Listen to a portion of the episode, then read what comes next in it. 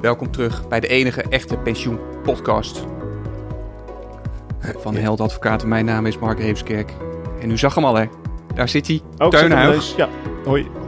Teun, we gaan het vandaag hebben over een paar uitspraken die allemaal hetzelfde thema hebben, namelijk aansprakelijkheid. Mm, Ja, maar en de tussenpersoon. Aansprakelijkheid van tussenpersonen. Dat gaan we snel doen, 10 minuten max. Het wordt Oh. altijd 11, maar dit keer lukt het wel. Oké.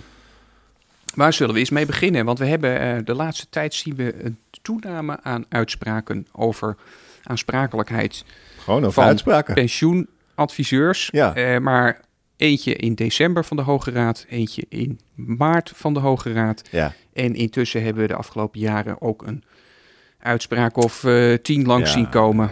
Ehm, vaak gaat het dan over Lijfrente Woekerpolis. of werkingssfeergeschillen, Ja, waarbij laten we daarvoor beginnen. werk, werkgevers denken...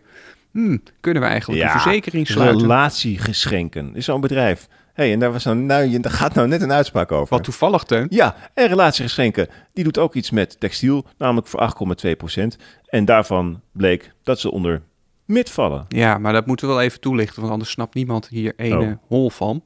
Oké. Eh, want de werkingssfeerbepaling bij MID, Mhm.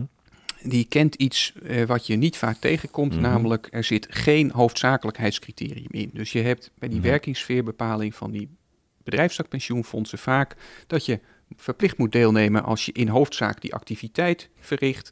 En het bijzondere, is dat het dat juiste woord? Het bijzondere van MID is dat dat ook is als het, wat zei je, 8,92 Ja, stond joh. er in die Ja, uitspraak. hè? dat.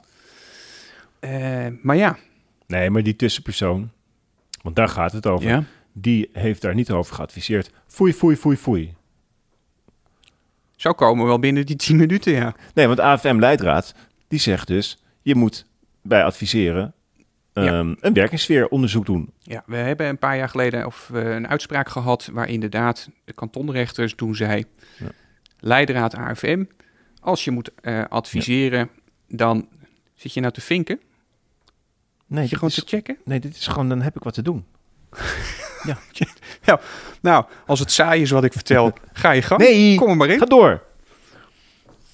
Dus die AFM-leidraad, het is echt verschrikkelijk. Die AFM-leidraad is best belangrijk in de praktijk, omdat je daar ook aan opgeknoopt kan worden als je het niet goed doet.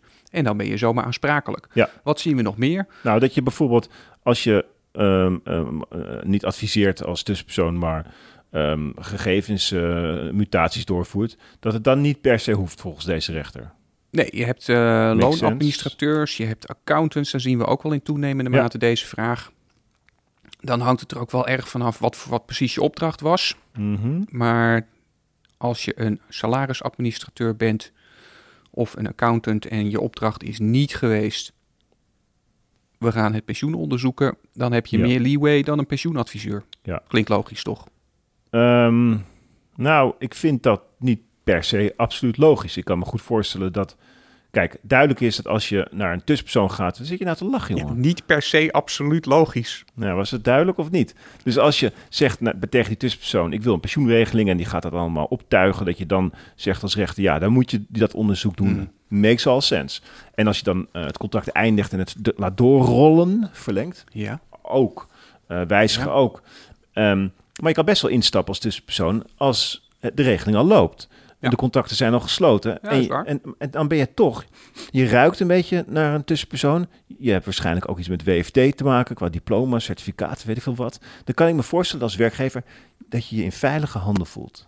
En dat je dan, ook al doet hij eigenlijk alleen maar het door, doorvoeren van mutaties, dat je dan toch denkt, ja, maar je moet mij ook informeren. Nou ja, dat is net zoals die loonadministrateur van een paar jaar, eh, jaar geleden. Hè? ja. Hey, ehm, Mag ik nog eentje, want we- we- even door die rechtspraak heen. hmm, Daar was in de management samenvatting opgenomen. Hm? Uw bedrijf valt niet onder de verplichtstelling van het bedrijfstakpensioenfonds. U kunt de pensioenregeling onderbrengen bij een andere uitvoerder dan een bedrijfstakpensioenfonds. Uit ons onderzoek concluderen wij dat er geen verplichtsteld bedrijfstakpensioenfonds Hm. is. Ja, dat was dus een gevalletje oeps, omdat later bleek dat ze toch werden aangesloten. maar dit is een uitspraak van niet kort. Dit is niet kort geleden, toch? Dit is wat langer. Deze is geleden. van een paar jaar geleden, Ah, Oh. maar ook niet eh, tien jaar geleden. Hè? Dus we hebben het Nee, over wij een jaar lezen of, geen eh, uitspraken voor van tien jaar geleden. Nou, Dan gaan we nu naar de Hoge Raad van. ehm, Ja, lekker man. Ga maar lekker door. Was dat van ehm, maart of zo? 17 maart. Kan nog net. Ik kan me een dag vergissen, maar het staat hier wel. Kan nog net. Ook een tussenpersoon, hè? hey, en hoe ging het daar, Mark? Nou ja, daar, hoe ging het, Teun? Het ging hartstikke lekker, tot op een gegeven moment de tussenpersoon, daar is die 17 maart, zie je wel. Ja. Totdat hij op een gegeven moment in opdracht van de werkgever de eindloonregeling voor het excedent ging veranderen. Ja.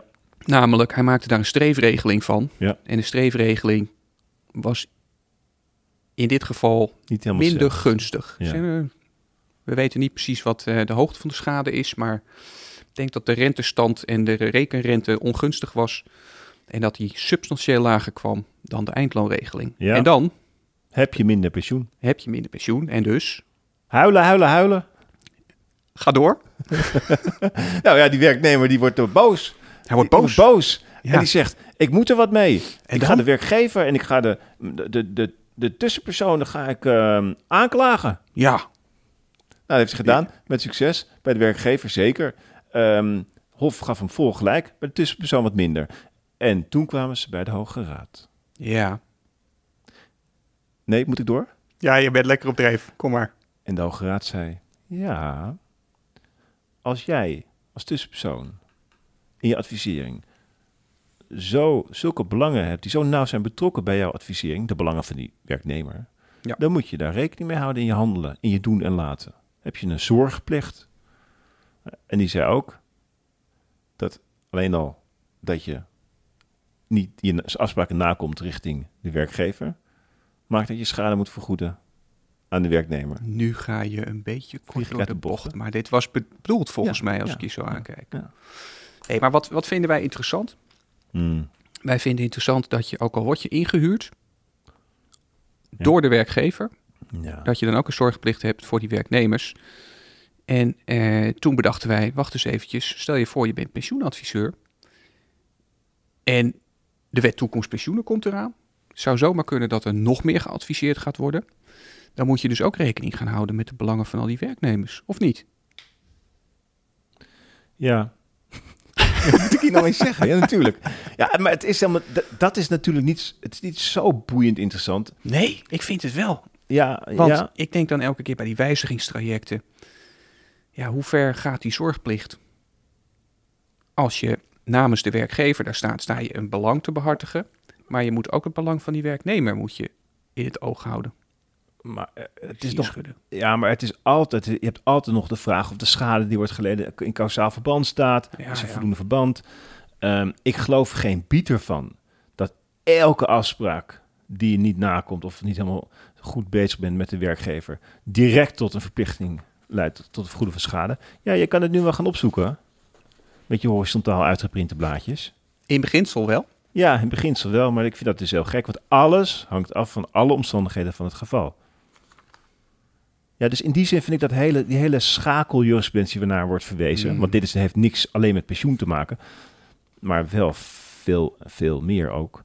Ehm, ehm, is het helemaal niet, ja, is, is het toch logisch dat je ook de belangen van z- zulke nauw betrokken mensen eh, meeneemt? Ja, er zat nog iets in, hè, in deze uitspraak.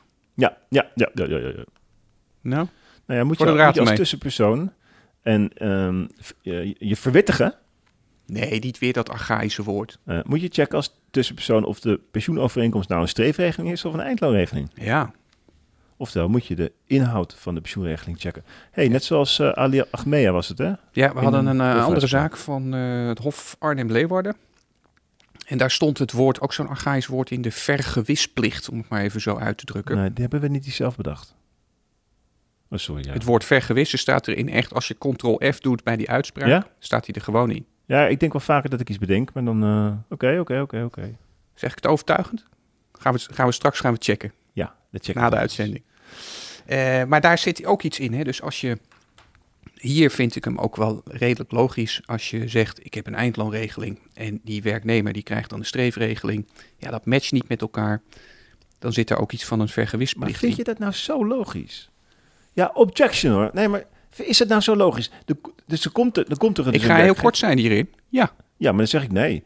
Er komt een werkgever naar je toe die zegt... hey Pino, Ik heb een eindlo... eh, nee, dat zegt hij dus niet. Ik heb een streefregeling en ik wil... Eh, da- bij het woord Pino is de oorlog, hè? Ja, jawel, maar dat, dat zou kunnen theoretisch, dat hij zo Ja, heet. Oké. Dan zeg je dus tegen die ehm, tussenpersoon, wil jij een streefregeling onderbrengen? Ja, hallo, je bent de feiten aan het verdraaien. Nou, kom op met die feiten dan. Feit is, er is een eindloonregeling in de excedent. Die zou moeten worden voortgezet. En als je dan niet waarschuwt naar die werknemer en zegt, we gaan iets anders doen. Hè, dus die werknemer denkt nog steeds dat het een eindloonregeling is.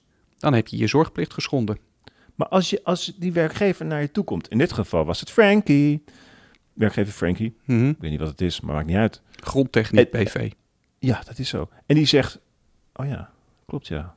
En die zegt, ik heb een streefregeling en wil je het uitvoeren. Moet je dan nog meer doen als tussenpersoon? Moet je dan zeggen van ja, maar even toch kijken of dat wel waar is? Hmm. Je bent de feiten aan het veranderen. Nou, Kijk, ik weet als niet- het, ik als weet het niet of- consent is, je hebt, ik denk nog steeds dat je een zorgplicht hebt om te informeren, maar dan kom je in de wijzigingssfeer terecht. Want dan is die werkgever aan het wijzigen. Hier was het eigenlijk volgens mij de eindloonregeling die ineens... Nou, ook hier bij, de, Hof- bij het Hof was namelijk een van de verwijten die het Hof maakte. Dat die zei van ja, wat, moet je dan, wat verwacht je dan van een tussenpersoon? Hè, Nee, sorry, dat zei de tussenpersoon. Die zei, ik heb hier een, ik heb hier een pensioenovereenkomst gekregen als dit is de geldende regeling. En, en, en dat bleek dus helemaal geen streefregeling te zijn, want die was nooit rechtsgeldig gewijzigd in de streefregeling, maar het was nog steeds de oude pensio- eindloonregeling. Dan ben ik de feiten aan het verdrijven, volgens mij niet. We gaan het straks checken. Meer. Hey, gaan we dit samenvatten? Wil jij een poging wagen? Wauw, dat vind ik goed van jou, man. Ehm, ja, auw. Doe altijd een werkingssfeeronderzoek. Ik ben je Als niet je aan het trappen, hè, adviseert- voor mensen, mensen, sorry, maar eh, hij Ja, doet dat wel is auw, waar. maar ik doe echt niks. Mijn elleboog. Eh, je- je- je- als lekker je advies- Als je, een verzekering, als je adviseert bij het aangaan van een contract, een verzekeringscontract of het verlengen van een verzekeringscontract, ja, doe een werkingssfeeronderzoek. Lijkt me dus Ja. logisch. Ehm, en ehm, het, het, het, het andere punt is, je moet als tussenpersoon ehm, ehm, rekening houden eh, met de belangen van de werknemers Ja. en, ehm, en, en, en andere gerechtigden.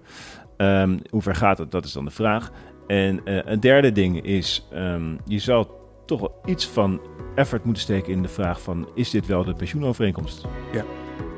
Mooi. Mooi, drie punten aan het eind. Ja, Was dit hem voor vandaag? Gaan we eruit met de slogan? ja we gaan uit met de slogan.